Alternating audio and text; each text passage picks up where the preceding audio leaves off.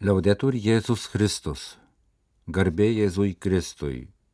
Kalba Vatikano radijas.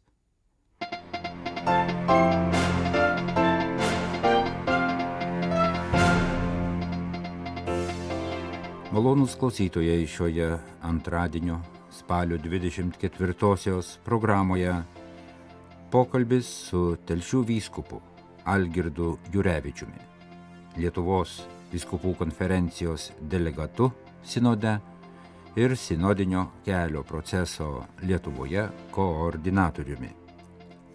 Kardinolo Fernando Filoni, Jeruzalės Šventojo kapo riterių ordino didžiojo magistro mintys apie popiežiaus kvietimą spalio 27 dieną su juo melstis, pasninkauti ir atgailauti už taiką pasaulyje.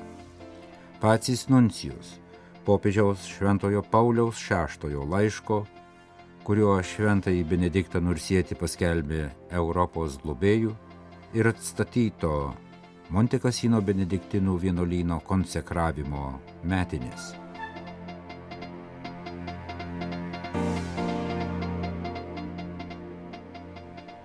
Vyskupų sinodo 16-osios eilinės asamblėjos pirmoji dalis pasibaigs sekmadienį popiežiaus vadovaujamomis uždarimo mišiomis. Šiomis dienomis asamblėjos dalyviai paskelbs laišką Dievo tautai ir patvirtins visus pastarųjų savaičių darbus apibendrinantį sintezės dokumentą. Pastarosiomis savaitėmis Vatikane vykusiuose posėdžiuose dalyvavo du vyskupai iš Lietuvos. Vilniaus arkivyskupas Gintaras Grušas, kuris atstovavo Europos vyskupų konferencijų tarybai, kurios pirmininkas jis yra, ir Lietuvos vyskupų konferencijai atstovavęs Telšių vyskupas Algirdas Jurevičius, kuris taip pat koordinavo sinodinio kelio procesą Lietuvoje. Prie Vatikano radio mikrofono vyskupas Algirdas Jurevičius. Tai iš tiesų viskupų konferencija man pavedė koordinuoti tą sinodinį kelią Lietuvoje, tačiau tai aš dariau tikrai ne vienas, buvo suburta komanda, taip pat ir iš kiekvienos viskupijos buvo atstovų ir mes kartu ruošėme pokalbius, susitikimus, medžiagą susitikimams. Labai tikrai dėkoju visai tai komandai, kurie puikiai dirbo ir Lietuvoje buvo galimybė tikrai ir parapijose, ir bendruomenėse, ir mokyklose, net ir kariuomenėje, ir policijoje buvo sinodiniai susitikimai, kuriuose buvo aptarinėjimas tos sinodinės temos. Pats toksai, sakyčiau, didžiausias įspūdis ir atgarsis iš žmonių, kad žmonės džiaugiasi, kad bažnyčia jų kažko nori paklausti. Tačiau neklausimuose čia esmė, bet esmė tame, kad žmonės susitinka, žmonės kalbasi ir pateikia tam tikrus pasiūlymus, pageidavimus, įžvalgas, tą patirtį tokią kalbėjimosi, klausimosi atsivežiau ir čia, į Romą, į Vatikaną, į šį viskupų sinodą.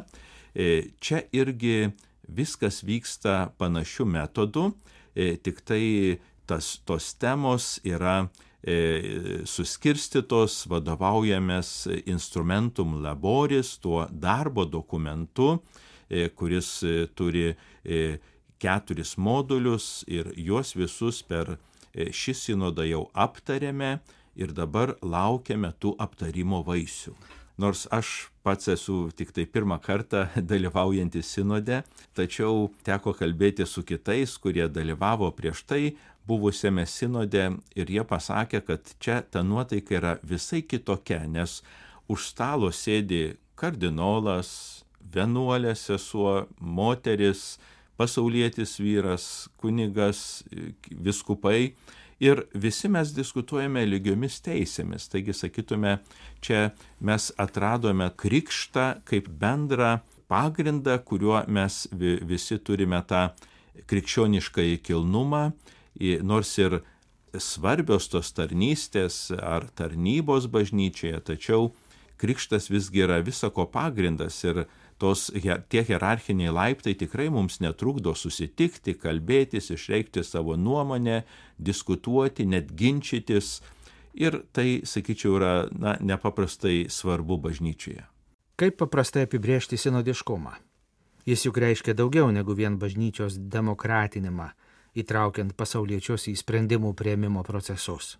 Antrasis Vatikano susirinkimas kalba apie bažnyčią kaip apie Dievo tautą. Jeigu tai yra viena Dievo tauta, tai reiškia, kad kiekvienas jos narys yra svarbus. Ir mes savo grupelėje E, bandėme svarstyti ir nurodėme, kad reikia dar pagilinti tą klausimą tam tikros įtampos tarp hierarchinės bažnyčios prigimties ir sinodinės bažnyčios prigimties. Ir žmogus, kuris e, e, klausė apie sinodiškumą, tai visų pirma reikia pasakyti, kad jis yra bažnyčiai svarbus.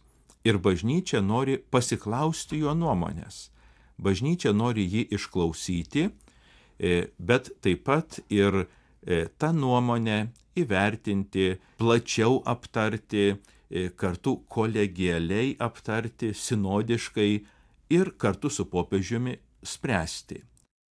Šis sinodo etapas jau baigėsi, bet iš karto prasidės pasirengimai kitam, kuris vyks ateinančių metų 24 spalį. Kol kas dar yra redaguojamas galutinis sinodo etapo dokumentas, kuris bus e, patvirtintas, e, bus pateiktas balsavimui šeštadienį e, prieš sinodo uždarimą. Tas dokumentas, kai bus paskelbtas, jisai vėl bus aptariamas, diskutuojamas. Tam mes turėsime dar 11 mėnesių iki kitų metų E, per tą laiką, žinoma, bus diskusijos ir kontinentiniuose susitikimuose, be abejo ir viskopų konferencijose ir gal net ir plačiau bus e, diskutuojama ir kažkokie pasiūlymai teikiami. Bažnyčia vėl stengsis e, taip pat sinodiškai tuos dalykus ta, aptarti, tam, kad būtų išlaikyta ta sinodinė dvasia bažnyčioje. Ką parsivešite iš šio susitikimo į Lietuvą? Pasaulinės bažnyčios nuotaiką ir patirtį. Ir tiesiog ta tokia viltinga žinia, kad Lietuvoje nėra jau taip blogai. Kai išgirsti iš Azijos krikščionių liūdėjimų, kai išgirsti iš Afrikos ar kitų kraštų, tai tikrai krikščionės ir išgyvena ir diskriminaciją, ir persekiojimus, visokių apribojimų jų veiklai. Tačiau Lietuvoje mes turime tikrai puikias sąlygas skleisti Dievo Evangeliją ir turime gyventi pagal ją, ją liūdydami ir taip e, džiaugtis, dėkoti Dievui už tą puikią galimybę, kurią mes turime, bet gal kartais ne visada įvertiname.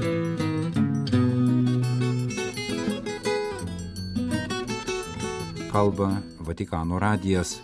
Tęsime programą. Maldos ir pasninko dienos, kuri bus švenčiama ateinantį penktadienį, spalio 27-ąją, paskelbimas atitinka popiežiaus pranciškaus stilių ir primena Šventojo Jono Pauliaus antrojo stilių, kuris panašiomis dramatiškomis aplinkybėmis kvietė visus krikščionis melstį taikos. Malda už taiką taip pat yra biblinė tradicija pažymė kardinolas Ferdinando Filoni. Interviu su juo paskelbė italų katalikų dienraštis Avenyre. Galima priminti, jog kardinolas karo nešamą griuvimą ir vargą matė savo akimis. 2001-2006 metais jis kaip apaštalinis nuncijus rezidavo karo siaubiamo Irako sostinėje ir nepaliko jos pačiais sunkiausiais momentais. Pasninko ir maldos už taiką dieną popiežius Pranciškus paskelbė po spalio 7 dienos Hamas teroristinės ir barbariškos atakos prieš Izraelį sukėlusios didžiulę geopolitinę krizę, jau nusinešusios tūkstančius žydų ir palestiniečių gyvybių ir rizikuojančios nusinešti dar daugiau. Didžioji dalis žuvusiųjų yra civiliai, moteris, vaikai. Kardinolas Ferdinando Filoni, kuris nuo 2019 eina Jeruzalės Šventojo kapo riterių ordino didžiojo magistro pareigas yra tiesiogiai susijęs su įvykiai šventojoje žemėje. Kvietimas pasninkui ir maldai yra stiprus šventojo tėvo gestas. Mums tikintiesiems pažymi kardinolas raginimas melstis ir pasninkauti nėra tik sociologinis faktas. tai kažkas daugiau, tai dvasinis faktas, priminantis tai, ką Jėzus darė savo gyvenime. Malda ir pasninkas yra tarsi šauksmas ar skundas. Ir pats Jėzus nevengė šaukti tokiu būdu, ypač tada, kai ant kryžiaus prisėmė savo visos žmonijos kančią.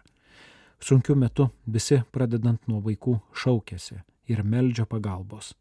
Toks šauksmas yra stiprus, nesustabdomas veiksmas. Jis taip pat yra atviras vilčiai. Ir Jėzus šaukėsi su pasitikėjimu ir viltimi, atsiduodamas tėvo valiai. Kardinolas Ferdinando Filoni pabrėžia kitą svarbų akcentą. Malda, taikos maldavimas yra biblinės tradicijos dalis. Šventajame rašte yra gausu kvietimų ir raginimų taikai. Senajame testamente Mesijas yra suvokiamas kaip taikos kunigaikštis. Popiežiaus paskelbta maldos ir pasninko diena taip pat įsilieja į šią biblinę tradiciją.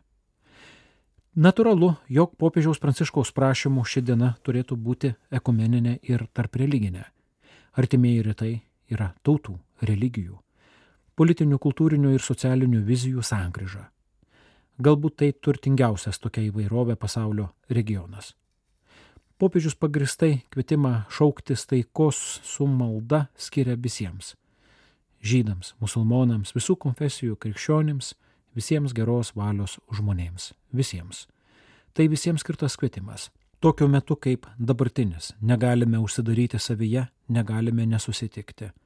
Negalime savo to leisti. Ir tai atitinka popiežiaus pranciškaus viziją išreikštą enciklikoje Fratelitūti.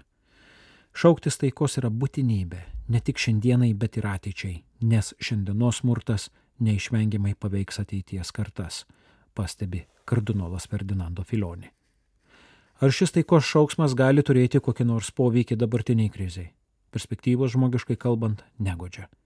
Atrodo, kad tokioje sudėtingoje ir dramatiškoje situacijoje suviešėti taikai yra ko ne neįmanoma. Bet turime prisiminti, jog istorijos viešpučiui nėra neįmanomų dalykų. Be to, kaip žmonės visada turime atsižvelgti į tai, jog taika turi būti teisinga, kitaip jos nebus. Nuo ko pradėti? Į paliaubos ir dialogą žiūrima skeptiškai. Bet kaip liudyja ir pastarųjų keliolikos metų istorija, jam gerai pažįstamame Irake, karas gimdo tik karą. Net ir dabar, kai karas oficialiai baigėsi, Irake nėra taikos, nes tęsiasi nuolatiniai smurto proveržiai. Taika prasideda neišvengiamai nuo paliaubų, dialogo, bendradarbiavimo, geros valios, nacionaliniu ir tarptautiniu lygiu.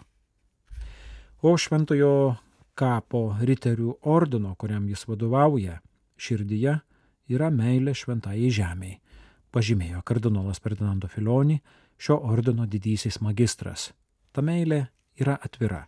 Ordino mokyklose mokosi ir Izraelio žydai, ir Palestinos musulmonai.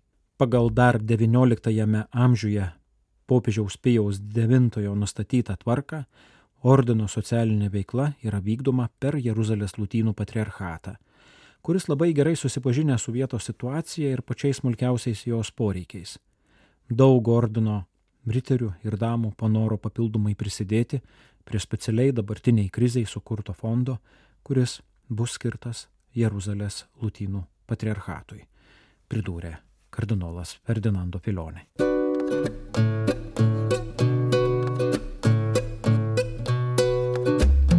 Jūs klausotės Vatikano radio žinių laidos. Tęsime programą.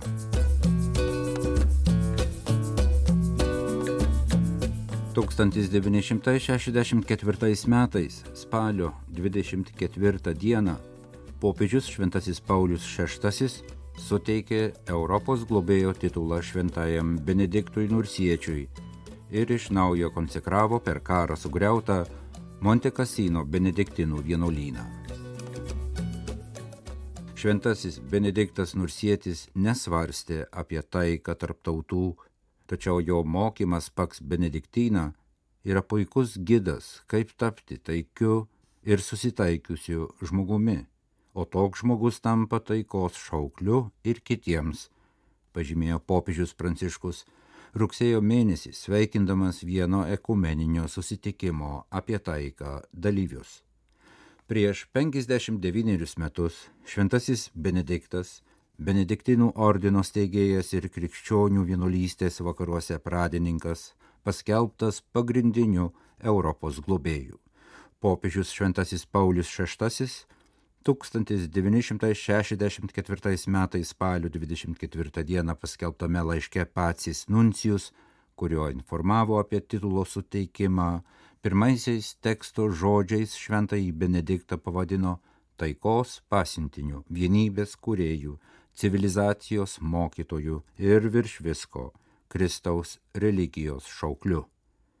Su Kristaus įstatymu, jo kryžiumi, kartu su mokslu ir arklu, šventasis Benediktas ir jo mokiniai pagrindė ir tobulino viešojo ir privataus gyvenimo nuostatas Europoje laikais, kai po Romos imperijos žlugimo žemynų dalys skendėjo tamsoje, be civilizacijos ir dvasinių vertybių.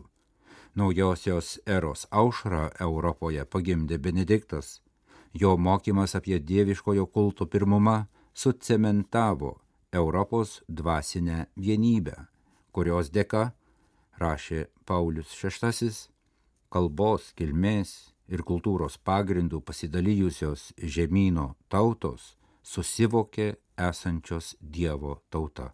Kaip anuomet krikščioniškosios civilizacijos šviesa išsklaidė tamsumas ir paskleidė taikos dovaną, taip ir dabar Europai siekiant išplėsti savo vienybę, Benediktas kaip jos globėjas te vadovauja visam Europos gyvenimui ir savo užtarimu te užtikrina, kad ji toliau vystytųsi ir stiprėtų, palinkėjo popiežius, kuris tą pačią laiško paskelbimo dieną, spalio 24-ąją, asmeniškai iš naujo konsekravo atstatytą Montekasino vienuolyną, sugriautą per karą 1944 metais.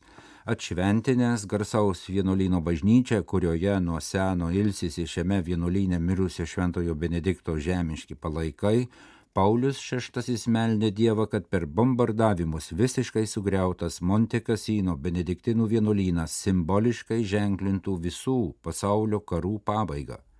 Norime, pranašo Izaijo žodžiais, kad būtų perkalti kalavijai į arklus, o jėtys į pjautuvus ir visa didžiulė ginklų energija, naudojama žudyti ir naikinti, būtų skirta gyvenimui ir kūrimui o kad tai pasiektume, turime per atgailą atgaivinti žmonijos brolybę, atsisakyti dirba karams parengiančios neapykantos, išdidumo ir pavydo mentaliteto ir jį pakeisti norų ir viltimi siekti santarvės ir bendradarbiavimo, laisvę ir meilę sujungti su krikščioniška taika. Pažymėjo popiežius Šventasis Paulius VI per Montekasino vienuolyno atšventinimo apeigas. Europos dangiškųjų globėjų sąrašas pastaraisiais dešimtmečiais išaugo iki šešių. Be šventojo Benedikto Nursiečio Europos globėjai yra šventosios ir šventieji Brigita Švedė, Kotrina Senietė, Edita Štein ir slavo paštalai Kirilas ir Metodijus.